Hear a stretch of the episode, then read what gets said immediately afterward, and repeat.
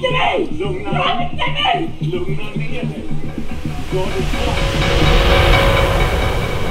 Jag hittade inte min biljett. Jag hade min biljett som var i min ficka. Ni får rör inte mig. Ni får inte röra mig. Så de två vakter som igår var inblandade i incidenten där en gravid kvinna tillsammans med ett barn fick föras ur en tunnelbanevagn och perrongen släpandes har alltså nu stängts av. Ja, de förväntar ju sig inte att en anställd ska skriva en bok om det. Eh, jag, och min eh, eh, dåvarande kollega Rasmus, som jag benämner i boken, vi jobbade då vid tillfället med biljettkontrollsgruppen i tunnelbanan. Och det innebär då att vi följer bara med biljettkontrollanterna när de liksom kontrollerar biljett. Och syftet med det är väl mer att se till så att deras arbetsmiljö är god. Så att ingen liksom hoppar på dem eller eh, ja, ja, dumheter mot dem helt enkelt. Eh, Och eh, den här dagen då, jag vill minnas att det var på en torsdag. Eller om det var på en onsdag. Men ja, eh, det, det var ganska, jag ska inte säga att det var sent på kvällen, men det var på kvällen i alla fall runt sjutiden. Ehm, så påträffar biljettkontrollanterna då eh, en kvinna på tåget då, för vi hade klivit på station Slussen. Eh, Och vi åkte grön linje norrut mot Hässelby. Det var en vanlig dag på jobbet. Ja, det här blir rutinarbete. Ja, Ni det- ska kolla biljetter hos eh, resenärerna. Och vad hände? Eh, Det som händer är att vi kliver på vid Slussen och biljettkontrollanterna började inte kontrollera biljetterna direkt. Jag vet inte varför, jag tror de diskuterade någonting. Men, ja, och när biljettkontrollanterna då kliver på tåg då brukar folk som inte har biljett i vagnen de brukar springa längst bak i, i hopp om att springa ut ur vagnen när nästa station kommer då. Det är ju en klassiker. Ja, oh ja. Ehm, men ja, det, det var ingen som reagerade i alla fall på eh, när biljettkontrollanterna klev på. Ehm, och eh, när vi då kommer till nästa station, vilket är Gamla stan, eh, då började man gå runt och kontrollera biljetter. Eh, och då är det en biljettkontrollant som då fastnar direkt eh, hos den här mörkhyade gravida kvinnan. Och jag ser då att hon tar ju upp en biljett som kontrollanten och kontrollerar och då ser jag att det blir rött på kontrollantens Eh, dosa och det indikerar ju då på att personen i fråga inte har någon biljett. Eh, och ehm, det, uppstår väl någon form av diskussion mellan de två. Eh, men jag och min dåvarande kollega, vi, vi la inte så mycket märke till det för det händer ju hela tiden. Så fort de påträffar någon som inte har biljett så ska det tjafsas och hit och dit. Men i det här tillfället så tänkte vi att ja, men de här två kan lösa den här diskussionen själva. Eh, vi lämnar Gamla stan, nästa station blir då T-centralen och jag ser då att eh, kontrollanten har skrivit ut en tilläggsavgift. Jag tror den är på 1500, något sånt där. Eh, som kvinnan visserligen tar emot men det hon gör är att hon slänger den lika fort på backen, på marken. Och biljettkontrollanterna förklarar ju för henne att men, där är faktiskt din biljett nu också. Så mm, även om du nu inte vill betala den så kan det vara bra att ha den. Eh, för det här är faktiskt din biljett för att du ska kunna resa vidare. Ehm, ja, den här tilläggsavgiften funkar som en vanlig biljett och den gäller i 75 minuter då. Men... eh, Och har du inte den och det blir en ny kontroll på nästa vagn Nej, precis. så kan du få en till tilläggsavgift. Precis. Ehm, Ehm, och... Ehm, eh, ja, den biljettkontrollanten tar upp den här biljetten, ger tillbaka den till kvinnan och hon återigen slänger den nonchalant på backen. Ehm, och eh, då så vänder sig, för då har vi precis kommit in på T-centralen, eh, så biljettkontrollanterna vänder sig då till min kollega och ställer då frågan om hon ska lämna tåget. Eller om hon kommer att få lämna tåget. Varpå min kollega då säger ja, jo, absolut. Eh, hon kommer då att få lämna tåget för att kanske eh, gå iväg och köpa sig en ny biljett om hon nu inte vill ta emot den här eller lämna stationen eller någonting. Och, Ja, oavsett vad så ska hon inte få åka det här tåget i alla fall. Eh, Så jag kliver ut eh, för att försöka ge ett stopptecken till tågchauffören. Eh, Det här är då fortfarande på T-centralen. Så jag står ute på perrongen och viftar med mina händer mot tågföraren och jag kan inte se att någon tågförare har klivit ut ur hytten. Vilket de ska göra. Men i det här läget så gjorde inte den här föraren det. Ehm, så jag stod där ute i cirka 10-15 sekunder och viftade. Vilket är ganska lång tid i tunnelbanan. Ehm, och sen när jag då kliver in igen. Eh, då ser jag att den här kvinnan står upp eh, Precis framifrån min dåvarande kollega och liksom har tagit tag i hans uniform och liksom rycker lite i den. Eh, Och då känner jag lite så här, ja, men mm, det, det var droppen liksom. Nu får vi ta tag i henne och liksom föra ut henne ur tåget. Eh, Så när vi tar tag i henne eh, och försöker transportera ut henne ur tåget så gör ju hon jätte- jättemycket motstånd. Vi- vi- Visste ni att hon var gravid vid Nej, tillfället? det visste vi inte. Vi visste inte heller, eller jag visste inte i det här tillfället heller att hon hade en dotter med sig heller. Ehm, dottern satt visserligen bredvid henne men på andra sidan så jag hade inte observerat dottern vid det här tillfället. Hur upplevde du så här sinnesstämningen när du kommer in i vagnen igen och någon rycker i din kollegas uniform? Vart, vart ligger aggressiviteten någonstans? Hon är ju självfallet upprörd och skriker. Ehm, och det, det är klart att hon har ju vid det här läget börjat använda våld eftersom att hon börjar rycka i min kollegas uniform. Ehm, ja, om vi ska sätta det på en skala mellan 1 ett är lågt och 10 är det värsta så vill jag nog kanske sätta en 4 här eller någonting sånt där.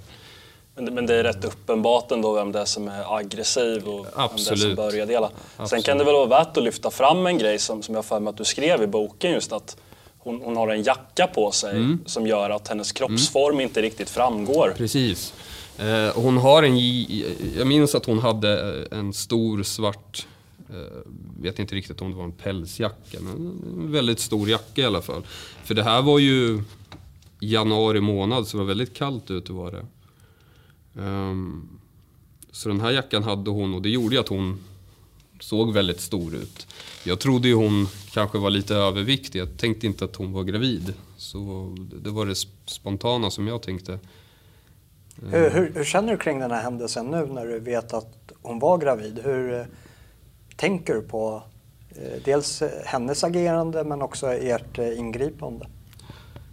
Det, det, är klart att det är inte optimalt att gå in och göra någon form av ingripande mot en gravid kvinna. Men Eh, det- här är ju inte första gången som vi har hamnat i en situation där vi har varit tvungna att eh, göra någon form av tjänsteåtgärd mot en gravid kvinna. Det har vi gjort tidigare också.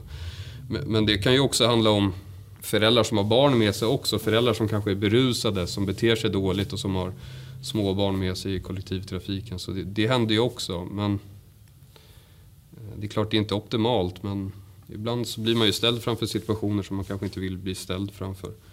Och då får man försöka fixa det på bästa sätt. Vi, vi, vi har ju läst boken och vi har ju sett klippen och vi följde ju mediadrevet med intresse när det väl begav sig. Och eh, en sak som jag tänkte väldigt mycket på då och nu när jag också läste din bok är utifrån eh, hennes perspektiv att vad är det som gör att man agerar på det här sättet när du vet om att du är gravid? Alltså är det frågan om att du tror att du kan bete dig lite hur som helst för att du har ett frikort, eller i det här fallet då kanske två frikort, eh, att eh, dels är hon svart och sen så är hon också gravid. Och har en liten dotter med sig. Har en liten dotter med sig. Det, det säger väl det mesta och sen, sen får man inte glömma bort det här att även om det är personer som, som det som du säger, det är inte optimalt att, att liksom ingripa mot dem. Det kan ju gälla gamla människor, det kan gälla kvinnor, det, det kan gälla folk som är väldigt unga.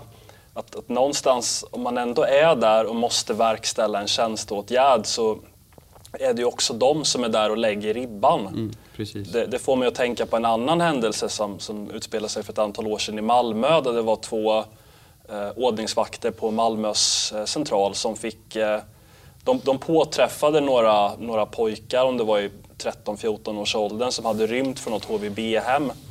Och de fick order från polisen att de skulle kvarhålla dem. Det, polisen är ordningsvaktens förman så det är någonting man måste, måste lyda på när det när det kommer ett sånt, ett sånt direktiv. Och, och det slutade med att det blev en liksom brottningsmatch mellan de här för de där två killarna, särskilt en av dem var extremt aggressiv. Han försökte skalla dem, han liksom, eh, krängde med kroppen och vevade med armarna och, och allt det där. Och, och, det blev liksom en brottningsmatch av det.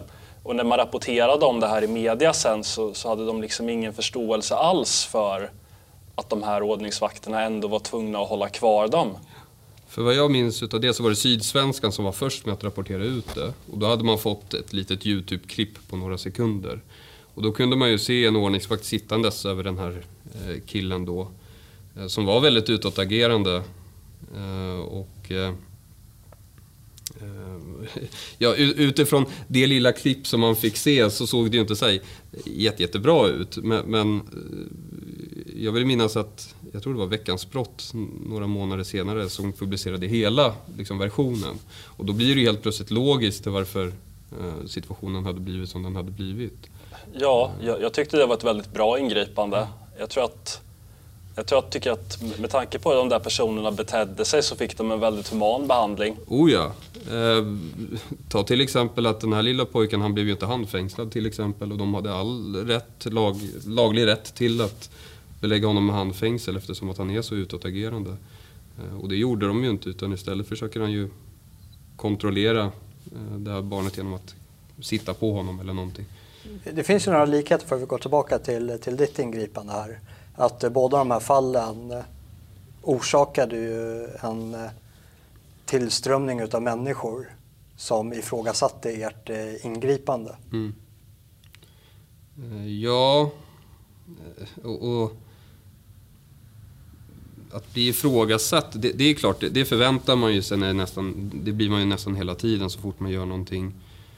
Um, men oftast så är det ju, de som skriker högst, det är ju oftast de som kanske inte kan någonting uh, om, om vårt jobb eller vilka lagstöd vi har eller uh, hur vi får agera i olika situationer.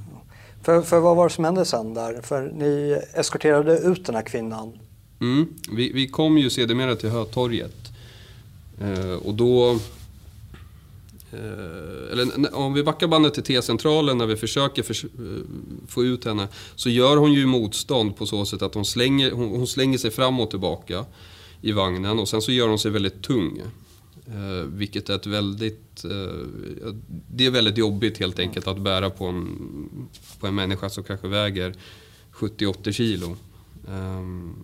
Men eh, vi märkte att vi kommer inte lyckas få ut henne ur den här vagnen. Eh, men mitt under allt det här då så hör vi i högtalarna att eh, chauffören ropar att dörrarna nu stängs.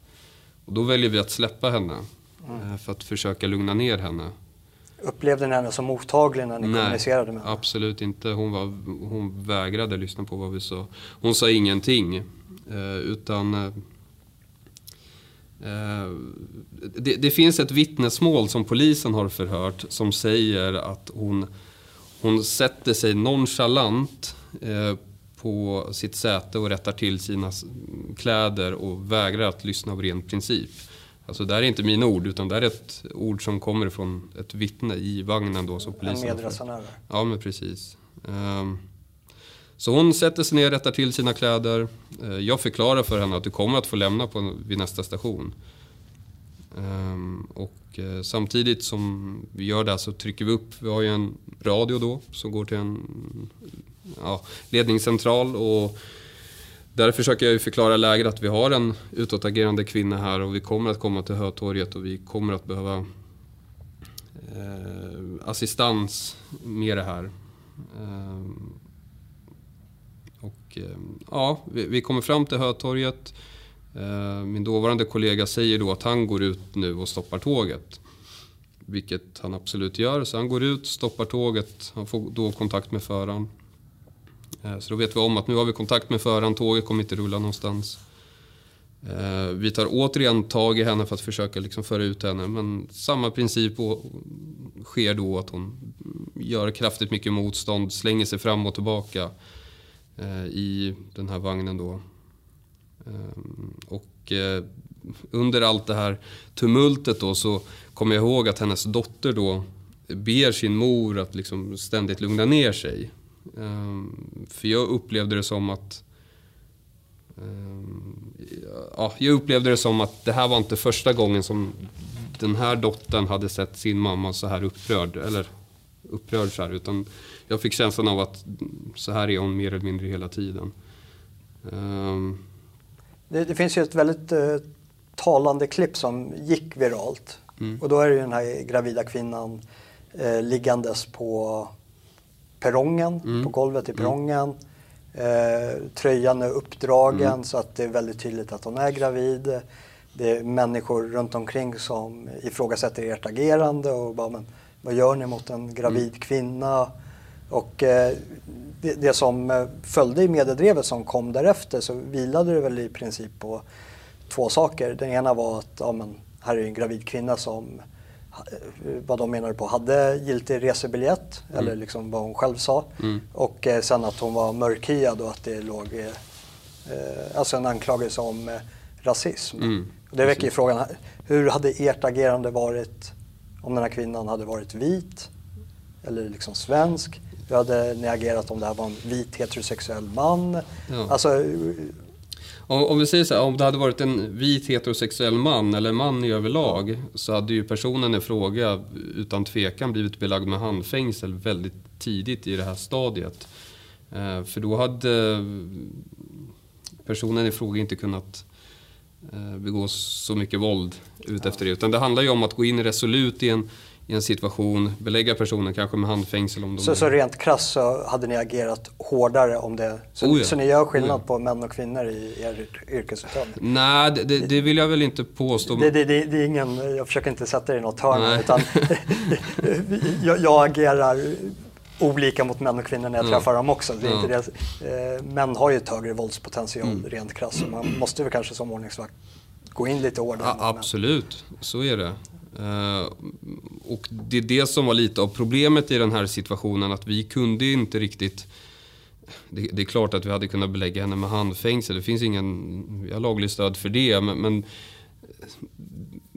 signalvärdet utåt sett hade inte sett bra ut eh, överhuvudtaget. Det hade nästan kanske förvärrat situationen. För då kanske vi hade haft allmänhet som i så fall hade lagt sig i. Och det är det sista vi vill ha. Ja, det samlades ju väldigt mycket folk där väldigt snabbt. Ja, eh, det är ju väldigt mycket folk som inte syns heller i filmmaterialet som finns bakom kameran också. Som har samlats. Ehm, men eh, ja, jo, det var väldigt mycket folk. Ja.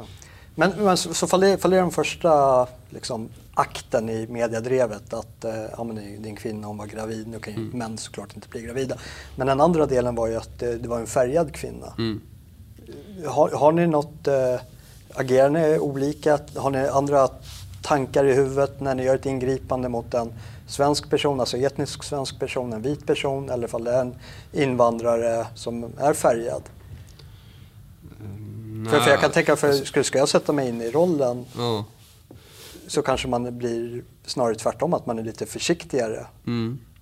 Jo men absolut. Det, det, det är klart att eh, om vi kollar mörkhyade personer så, så det, det är klart att man kanske omedvetet är lite mer försiktigare. Man, man vill inte liksom eh, reta upp något björnbo eller någonting sånt där. Att, eh, därför att mm, ja, de, de kommer tveklöst dra rasistkortet, det gör de så gott som alltid. Eh, eller så här gör ni bara för att jag är svart eller dylikt. Och eh, det kan ju trissa igång allmänheten runt omkring och då har vi helt plötsligt kanske en annan problematik. Delvis så ska vi kontrollera den här personen då som kanske är jättestökig eh, och sen allmänheten då som också är lika stökig. Ehm, så det är klart att mörkhyade personer kan dra ett kort som inte de vita kan göra till exempel. Påverkar det dig i din yrkesutövning? För du, du är ju fortfarande verksam i, i tunnelbanan som ordningsvakt. Ja, det stämmer. Eh, Tar du med dig någonting från det här och tänker ett extra varv? Alltså att det blir- absolut. Det, det gör jag absolut. Eh, idag så... Skulle jag bli ställd för samma situation idag så hade jag kanske blundat och gått därifrån. Vi- vilket är lite tråkigt därför att när vi har en gravid kvinna, en mor i det här fallet då, som beter sig på det här sättet framför sitt barn. Så kan det ju faktiskt vara så att det här barnet på något sätt far illa på grund av att den här föräldern då beter sig som hon då gör. Ehm, och det är ju någonting som sociala myndigheter då ska ta hand om. Men vi ordningsvakter kan ju vara den första kontakten i att hitta det här problemet. Ehm, om vi då till exempel väljer att de gripa eller omhänderta en, en sån här utåtagerande förälder då så kommer det gå vidare till polisen och så skriver polisen en orosanmälan till socialtjänsten och därutav så får väl de göra sitt. Ehm, och, och det kan ju vara så att barn då som far illa kan komma i kläm till exempel. För att man blundar för det. Man är rädd för att gå in i någonting eh, För man vet om att eh, om en timme eller två så kommer media skriva om det här. Ehm, Det låter som ett ganska betydande arbetsmiljöproblem faktiskt. Oh ja. För alltså, det förtjänar ju att påpekas att, att allt det här som allt det här som sker vid den här händelsen, det är ju det är ju liksom ingenting ni gör på lösa boliner utan det handlar ju om att upprätthålla de, de ordningsregler som finns och med de lagstöd som finns till ert förfogande. Det är liksom exakt det som ordningsvakter ska göra i tunnelbanan så, så ni gör inget fel överhuvudtaget. Nej, och, och även om man nu... För jag vill ändå påstå att... Ja, det gäller väl även poliser också, att man ibland är rädd att gå in i olika situationer. För man vill inte hamna på löpsedeln, man vill inte sitta på möte hos polisen eller hos sina chefer då. Eh, eller bli, ut, bli misstänkt för något brott när man faktiskt bara har gjort rätt för sig.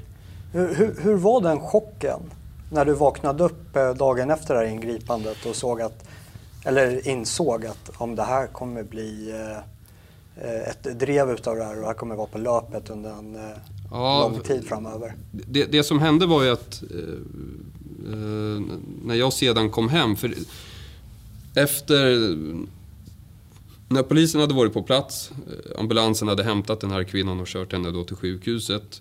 Nå, någonting vi valde att eh, göra, det var inte så att eh, hon direkt ville det, men det var, det var ett förslag vi kom med att du borde åka till sjukhuset och kolla upp det eller någonting. Men eh, var inte det som var hennes eh, story så att säga? Att hon var gravid, hon hade förverkar och hon var själv på väg till sjukhuset.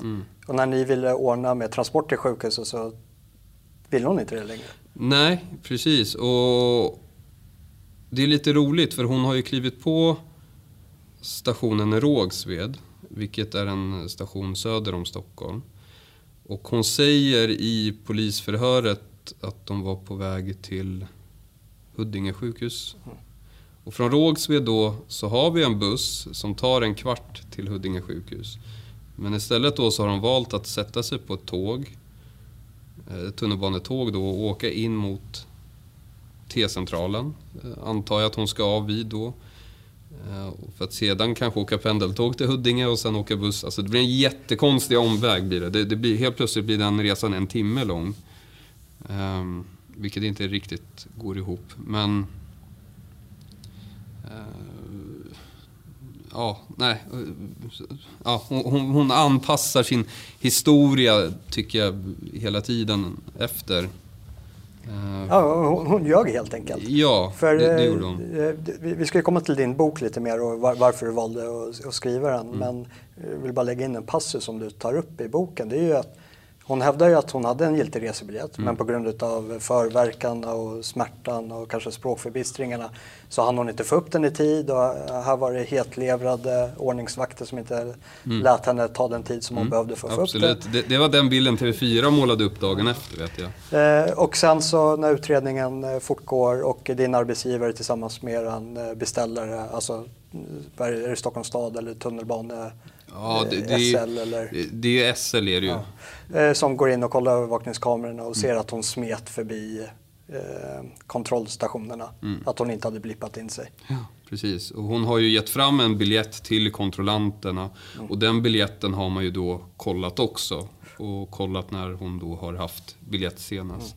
Ehm, Men, men tillbaka till eh, drevet. Eh, Du, du vaknar upp Mm. och du inser att ja, men det här kommer jag får leva med den närmsta tiden. Ja, jag tänkte så här först när jag vaknade upp att det här är troligtvis någon nyhetsrapportering som kommer hålla i sig typ några, några dagar och sen dö ut. Eh, men när jag vaknar upp dagen efter, det första jag ser då, för jag går in på Aftonbladets hemsida och då ser jag högst upp med stora texter då att jag då skulle vara avstängd från, eh, eh, ja men som ordningsvakt då. Vilket gjorde mig lite småsur därför att det var ingen som hade ringt till mig. Eh, Det, det är ju polisen som väljer att stänga av en ordningsvakt och vad jag kunde se på mobilen då så hade inte polisen ringt till mig. Eh, Man brukar ofta se det att det kan vara skyddat nummer eller någonting sånt där. Men det var inget okänt nummer som hade ringt eller något.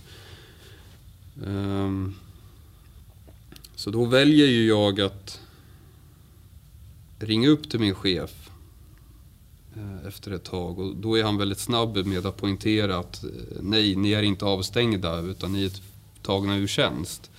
Vilket är två helt olika saker. Ehm, att vara avstängd är någonting du blir när du blir misstänkt för brott och utredning sker. Det är ju polisen som väljer att stänga av den enskilda ordningsvakten.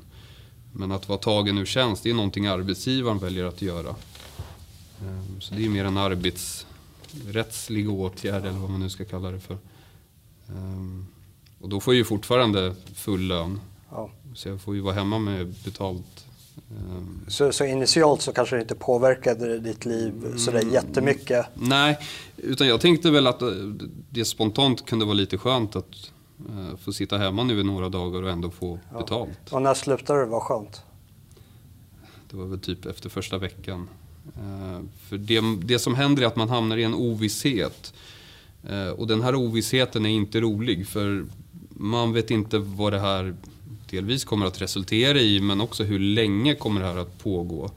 Jag vet kollegor som har varit tagna ur tjänst i flera år. Eh, Rekordet tror jag är två år.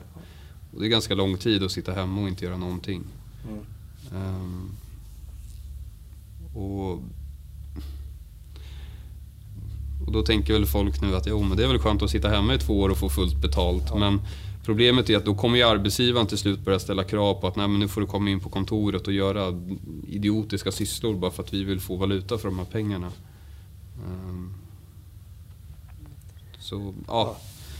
Eh, med media målade ju upp ett narrativ som gick i linje med den här kvinnans berättelse. Och eh, hur slog det mot dig? För, för det hade ju ett enormt genomslag. Eh, jag jag kan tänka mig att den stora omgivningen utav människor som kanske inte du kände personligen som du kunde prata med har en ganska stark uppfattning över vad som hände. Eh, jag minns att eh, jag spelade... Nu gick jag till exempel på pianolektioner under den här perioden. Och jag kommer ihåg att min pianolärare stod och fördömde den här händelsen. Men han, han visste inte att det var du då? Eh, Nej, det visste de inte. Eh, informerar du eh, om vad som hade hänt? Nej, Jag, jag märkte att den här diskussionen tänker inte jag ta här och nu. Det, det går inte. Ehm, För det här är personer som bara har bestämt sig. Så enkelt är det. De, de var ju väldigt formade. Man, man måste ju säga att det som hände efteråt, det var ju anmärkningsvärt. Ledarskribenter över hela landet på alla stora tidningar liksom bjöd ju över varandra i att, att beskriva det här på olika sätt. Jens Liljestrand tror jag skrev en, en av de mest gråtmilda krönikorna. Det stod Föreställ dig att det var din kvinna. Ja. Bara gör det. Och sen så här en lång drapa då om hemska ordningsvakter som tycker om att misshandla gravida kvinnor. Ja. Helle Klein gick ut och menade att vakter i princip, väktarvåld i princip är en sorts terrorism. Och, Ja, precis. Jag känner igen den här masspsykosen från, alltså det, det, nu fi- finns det kanske likheter och det finns väldigt många olikheter också. Men just den här masspsykosen från median och etablissemanget och hur saker och ting uppfattas utav bara den breda befolkningen. Så förs ju tankarna till George Floyd i Amerika och hela den BLM-rörelsen. Den här offerjournalistiken. Man, man utser någon som ett offer och ja, journalisterna beter sig som att de skulle, vore domare. Ja. eh, Mer eller mindre. Och, och, och, eh, så, så du hamnar i eh, privata situationer där människor i din direkta omgivning har köpt den etablerade historiebeskrivningen över vad som hände. Hur, hur, eh, vilket skede känner du att du började få din röst hörd? Vilket skede känner du att eh, eh, det börjar balanseras lite eller nyanseras eller att sanningen börjar komma fram över att den här kvinnan har ljugit? Jag kände så här att alla vet ju om, mer eller mindre om, att media inte alltid skriver, skriver sanningar. Eh, utan att de ibland faktiskt ljuger för att få läsare till sig. Och, men däremot så tror jag inte allmänheten kan förstå hur illa det faktiskt ändå är. Att de medvetet kan sitta och ljuga bara för att få tjäna de här pengarna. Och frågan- Upplever du så att det var medvetna Ja. lögner? Att eh, de här journalisterna som skrev visste vad det egentligen handlade om? Ja, eller att de inte ville veta. Eh, Jag, tror att väldigt många... De ville absolut... De, ja, nej, de ville nog inte veta exakt vad som faktiskt hade hänt, för det hade kunnat förstöra deras världsbild. Eh, Jag vet att det var en kollega som befann sig på någon tunnelbanestation och som jobbade då. Och då var det en kvinna som kom fram och började prata om just Hötorgshändelsen. Och Hon ställde en massa frågor till honom. Nu vet jag inte exakt hur frågorna löd, men hon, hon försökte fiska fram information. Eh, och kollegan då står på sig och säger att nej men jag var inte där, jag vet ingenting om den här händelsen. Och då avslutar den här kvinnan med att säga att eh, jag tycker i alla fall att det här är förfärligt och så berättar hon att hon var journalist från Dagens Nyheter. Eh, vilket jag tyckte var lite fult för eh, ja, den här journalisten i alla fall, hon hade redan bestämt sig för sin bild utav den här händelsen. Visst, det är väl bra att hon är ute och springer och letar efter information och så, men vad är poängen med det när du redan har bestämt dig för hur du vill förmedla ut nyheten? Vad, vad hade journalisterna, för de måste ju ringt dig och åtminstone velat ha någon kommentar. Ja, det var bara en journalist som gjorde det. Det var, inte, alltså inte fler. Nej, vilket jag tyckte var jättekonstigt. För här sitter så gott som alla tidningar och skriver om en.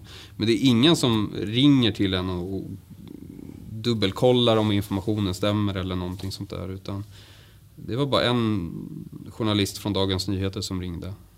Eh, resten av tidningarna stod, de kopierade bara det, det Dagens Nyheter skrev. Eh, de typ mer eller mindre copy-pastade eh, nyheten. Så, och det kunde jag störa mig lite på. Att man sitter och skriver nyheter om mig men det är ingen som har mage nog att ringa till mig och ställa relevanta frågor till en. Så, så du var avstängd Ja, jag var tagen ur tjänst. och eh, vad, vad, vad hände efter det? Eh, Jag var tagen ur tjänst i eh, två månader sammanlagt. Och under den här perioden då när jag blir tagen ur tjänst så är det inte så mycket som händer. Eh, eh, ma- Man hör ingenting från polisen, man hör ingenting från arbetsgivaren så den här ovissheten man hamnar i den är ju inte så jätterolig. Men eh, två månader senare då så är det en polis som ringer till mig och säger då att eh, att de nu har lagt ner utredningen. Eh, Ja, de har lagt ner en utredning i alla fall. Sen vet inte jag om det är utredning mot mig eller om vilken utredning det är exakt. För här är det ju två anmälningar som upprättats. Vi har ju gripit henne för ett våldsamt motstånd och hon har gjort en motanmälan för misshandel tror jag det var, eller om det var tjänstefel. Jag vet inte riktigt. Eh, Men polisen sa i alla fall att allting nu är nedlagt.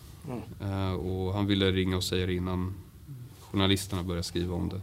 Men det fanns ändå påtryckningar mot att eh, få dig sparkad. Ja, det gjorde det. Om vi kollar min dåvarande kollega, han valde att lämna.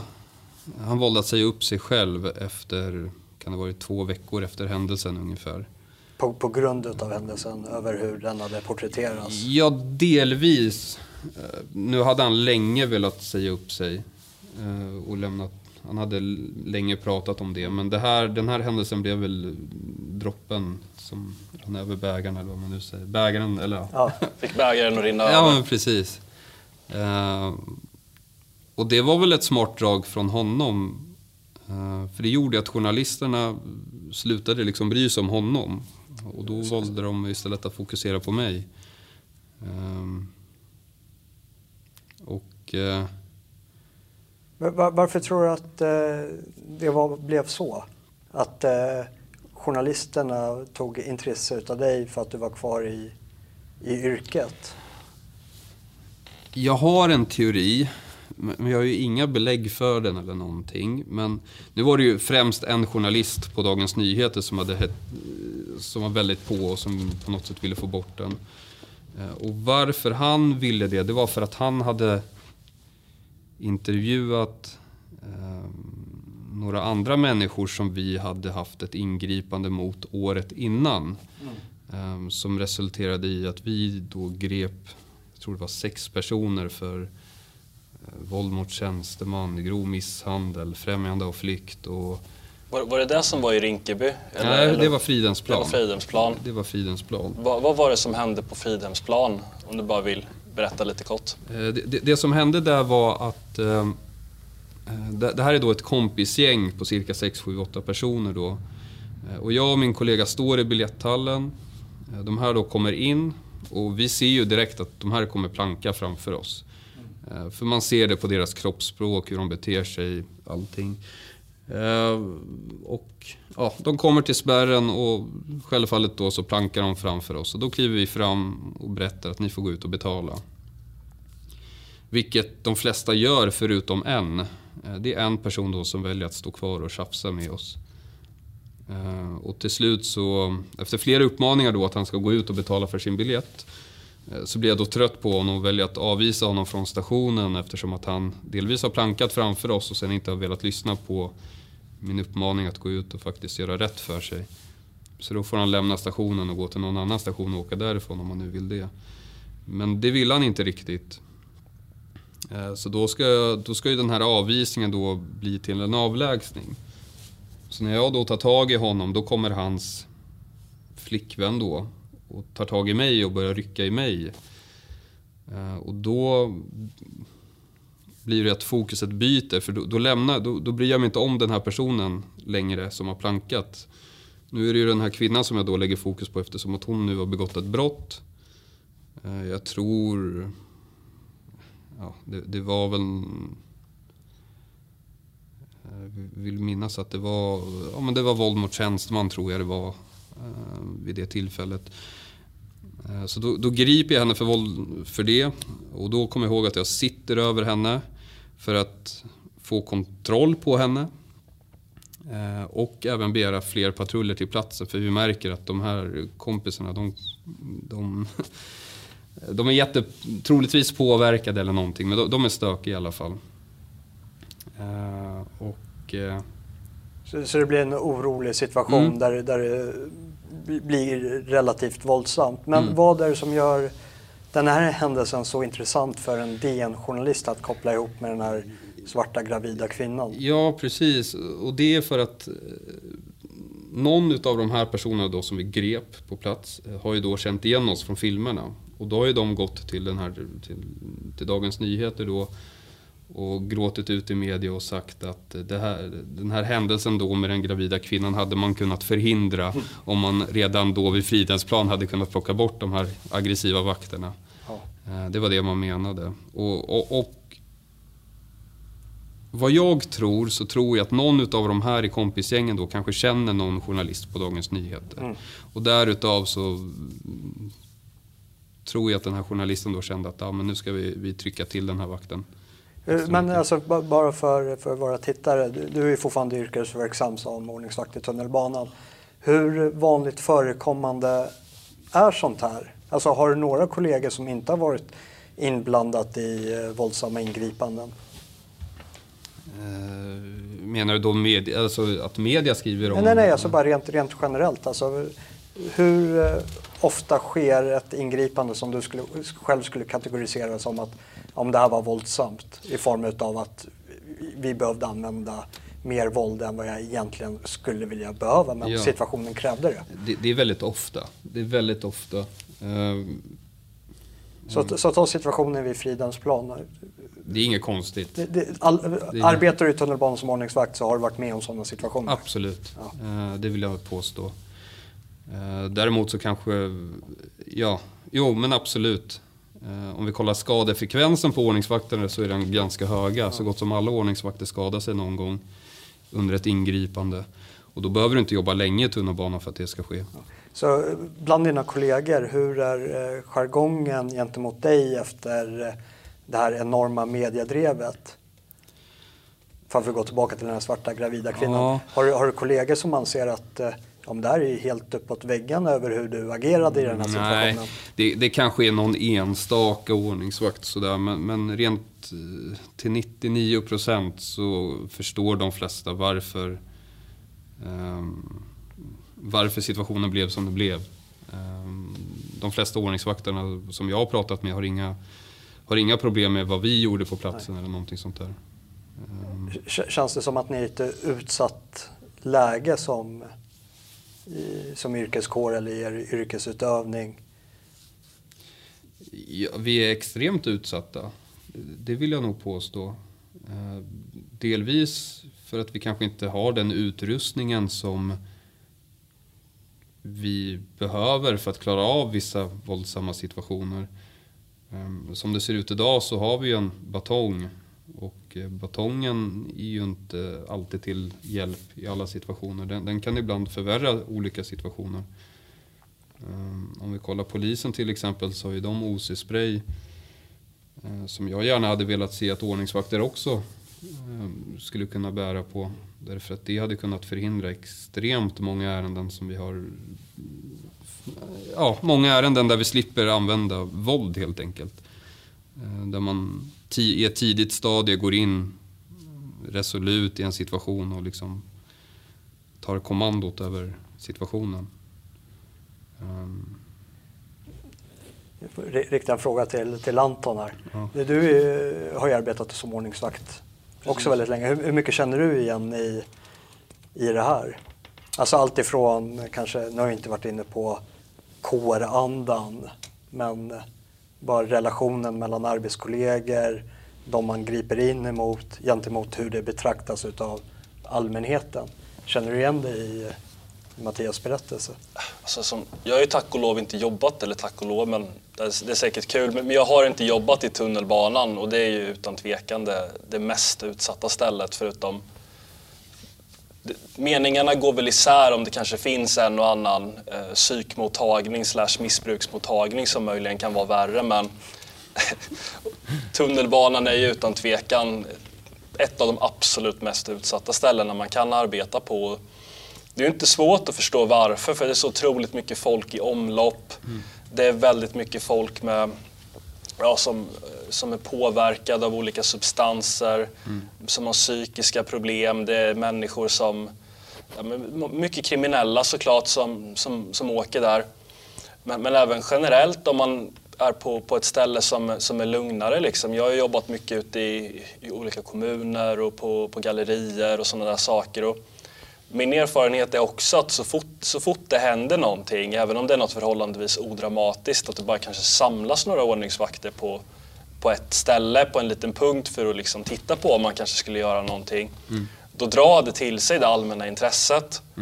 Och, och något som aldrig slår fel är ju att om det väl händer någonting, liksom all, all, alldeles oavsett vems fel det är, så, så kommer stora delar av allmänheten eh, att ta gärningsmannens parti. Det, det har jag också varit med om flera gånger. att vi, vi kan ha, Det kan ha varit, det var, jag skulle varit på rättegång nu för, för några veckor sedan för ett ingripande som skedde förra året. Men en drogpåverkad ung kvinna som, som slog min kollega i ansiktet.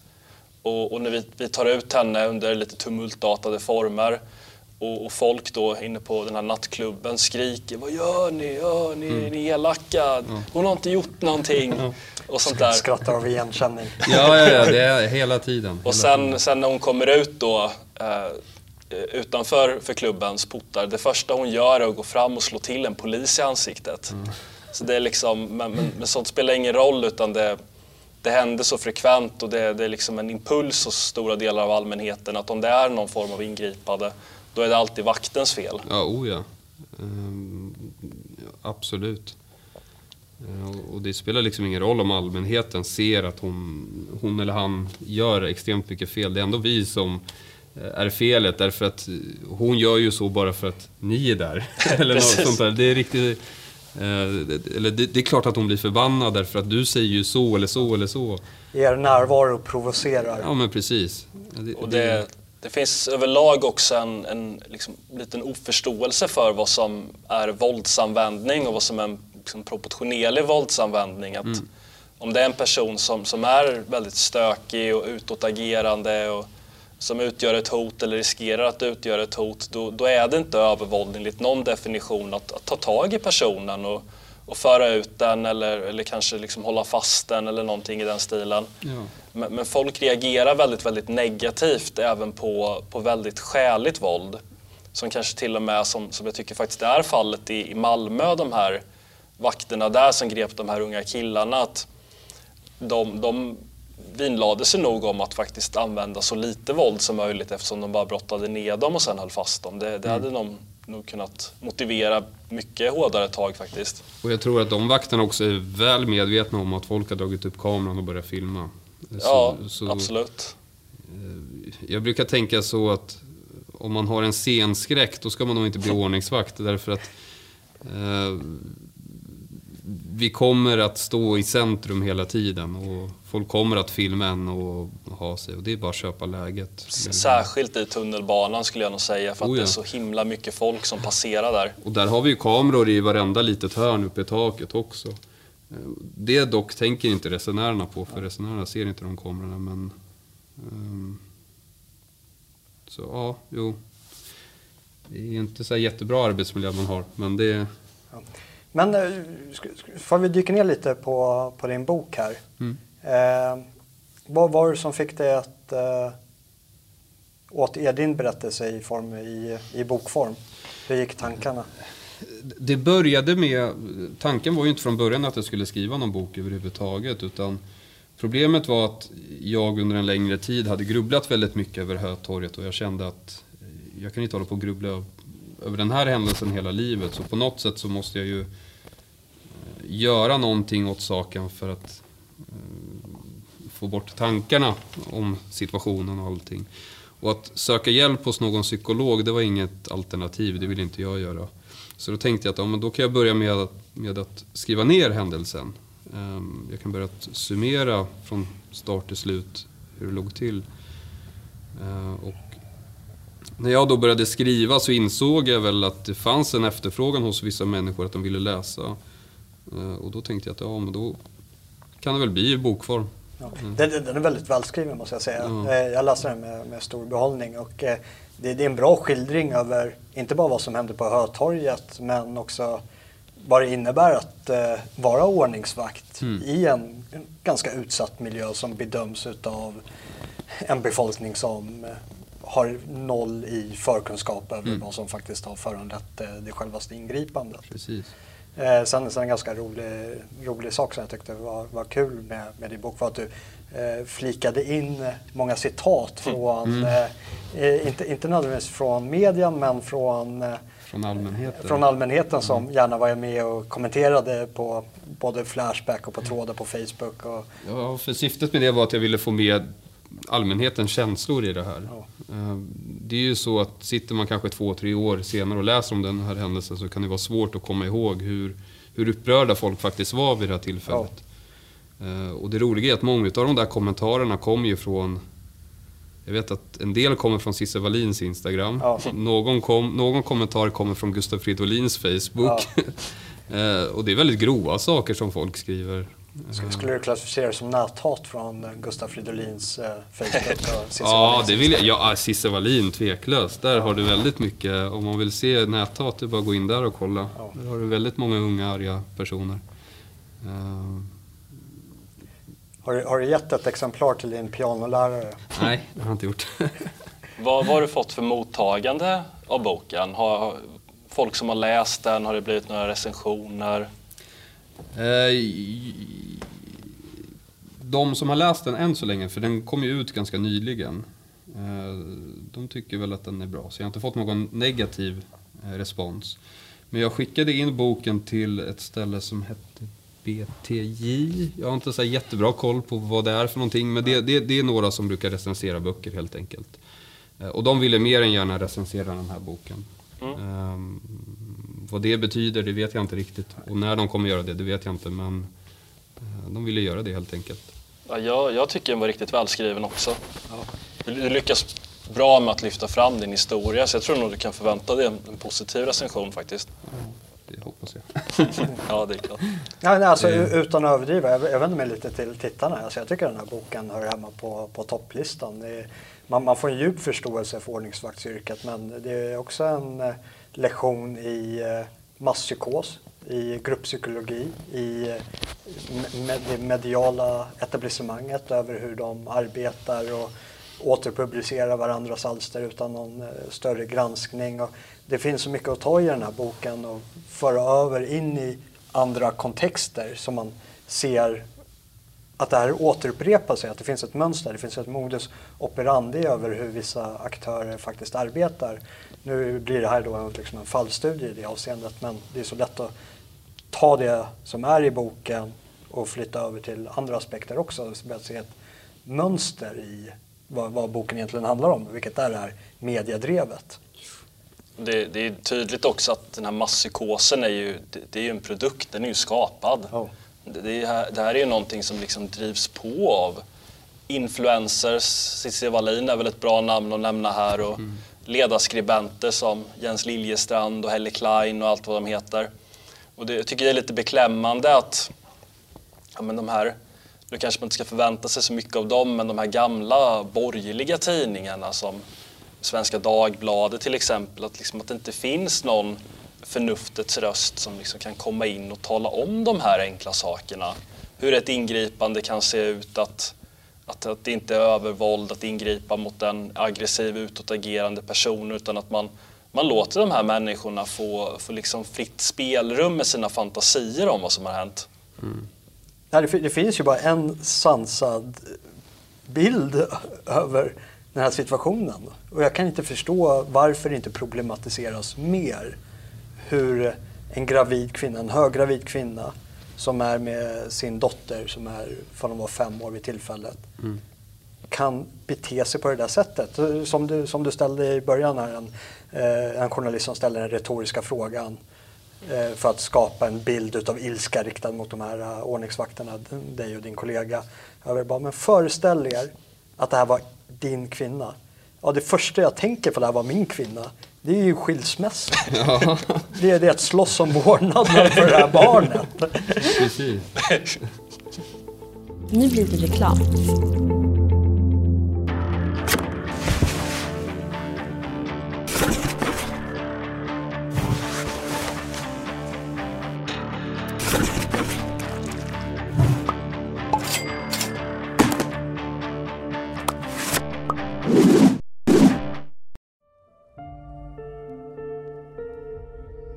Under namnet Boer Project har vi gjort en serie reportage, intervjuer och dokumentärer som berör den politiska och sociala situationen i Sydafrika.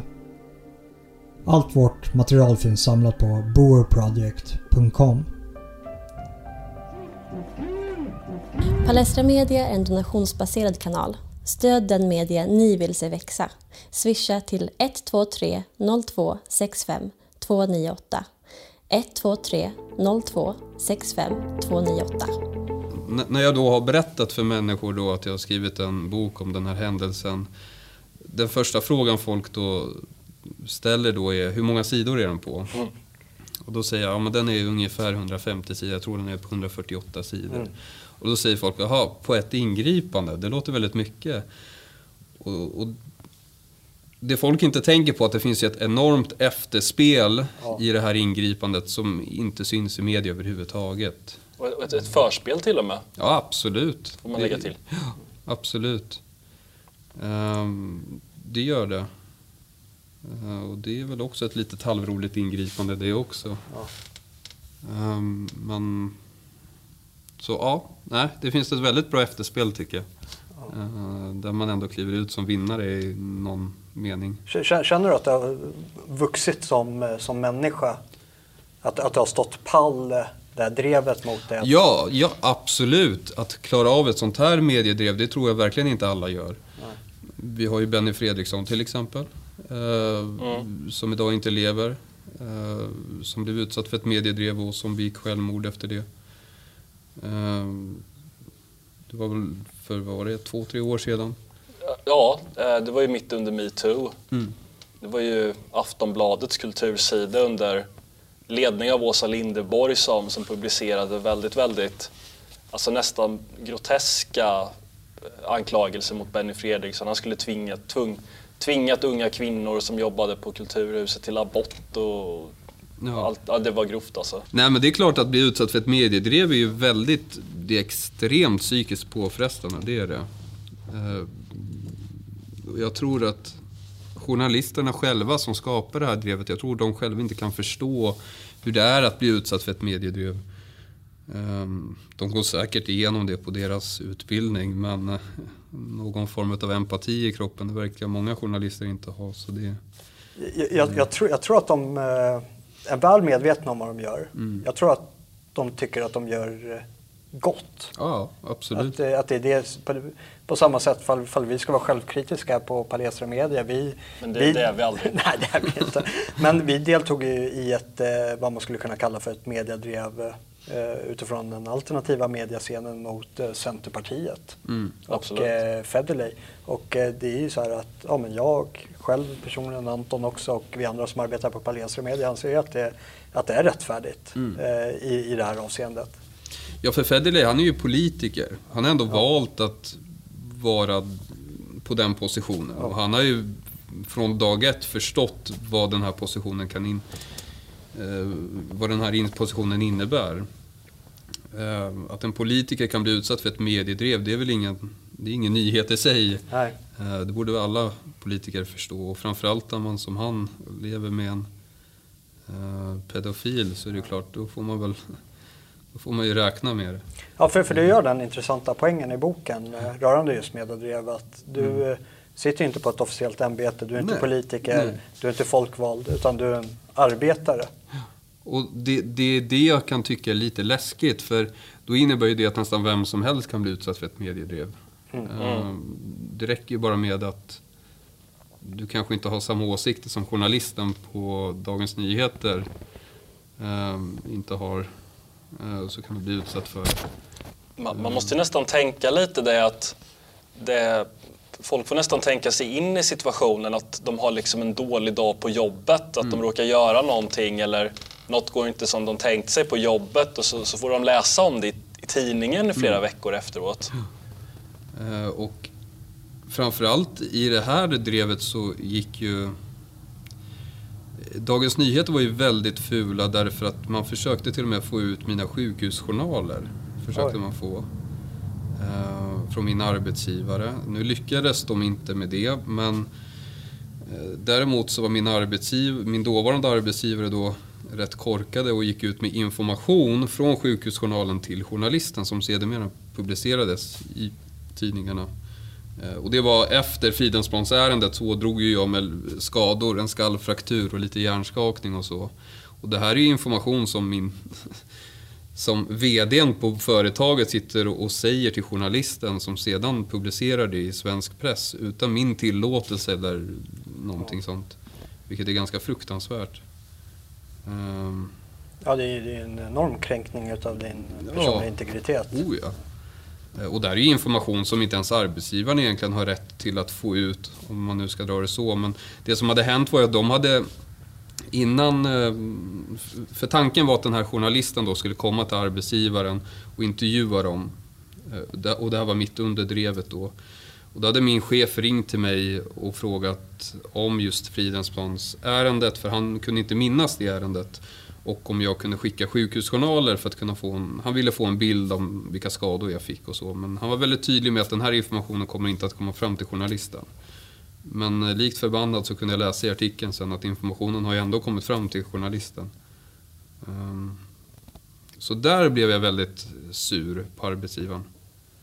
Ehm, samma sak gäller när jag också sa upp mig en timme efter kunde jag läsa i tidningarna att jag hade sagt upp mig från jobbet. Och det kändes jättekonstigt. Det kändes jätte, jättekonstigt. Arbetsgivaren var väldigt snabb på bollen där och säger bara du, vi har tagit vårt ansvar, vi har pratat med eh, ordningsvakten här och vi har kommit överens om att det, det är bäst att han går vidare. Ja. Eh, och, eh, visst, de har all rätt att prata med media om de vill det, men det är ju inte något man är ju inte professionell eh, om man nu ska springa runt och prata om enskilda anställda på det sättet. Tycker jag inte. Eh, för, först och bara så här, något så här litet avslutande reflektion som eh, du har, kanske har på yrket idag. Ser du någon förändring i eh, hur ni blir bemötta vid ingripandet? Är det, skulle det här kunna lika gärna kunna hända idag? Eller är Ja. det större sannolikhet att det händer idag? Eller är det lägre sannolikhet att det händer Det, idag? jag vet att jag pratade med, med en kollega just om det här för några veckor sedan. Eh, Nu behöver inte det här specifikt handla om just min händelse, men om vi kollar Black Lives Matter-grejen då, så har vi insett att många från den gruppen mörkhyade har en tendens att bli väldigt aggressiva idag. Så det är väldigt mycket våld. Ehm, när vi då ska göra ett ingripande mot en mörkhyad person idag så, så använder de extremt mycket våld. Och det våldet har nog ökat tack vare Black Lives Matter-grejen. Och det, det tror jag kan handla om att man anser sig ha rätten på sin sida. ehm, på något sätt. Ja, att de, de, de blir angripna och, på grund av deras hudfärg. Er närvaro provocerar dem och ni är där för att kontrollera dem och just på grund av att de är mörkhyade. Alltså. Precis. Och nu ska vi komma ihåg, det här är ju inte liksom alla mörkhyade som gör så. Det här är ju väldigt så här, Det här är ju mörkhyade som redan har ett gediget brottsregister bakom sig också. Så det, det är ju inte så att det här är skattebetalare om du säger så. Men det är klart att det finns de som utnyttjar eh, den här vågen, så att säga. Ja, har, har du någon eh, avslutande ord eh, på, om boken? Vart, vart man kan hitta den? Och, Eh, man, man kan köpa den på Bokus, Ja. kan man göra. Eh, och den heter ju Ordningsvakten, minnet av ett mediedrev. Eh, den är väldigt påkostad. Så den har kostat väldigt mycket att producera fram. Den är väldigt snygg alltså. Snygg formgivning och layout och sånt där. Ja, det var min idé faktiskt. Att, eh, jag, jag ville på något sätt ha, ha en uniform och sen en, en person i uniformen, men att man gör personen oskyld, osynlig. Ja, nej. Jag tror att om man nu köper den så tror jag inte att man kommer ångra det i alla fall. Nej, det nej, nej, nej det, det, det håller jag inte med på. Stort tack för att du ville komma, komma och gästa oss här. Tack Ja, stort tack. Tack Och själv för Lycka till i framtiden. Här. Tack.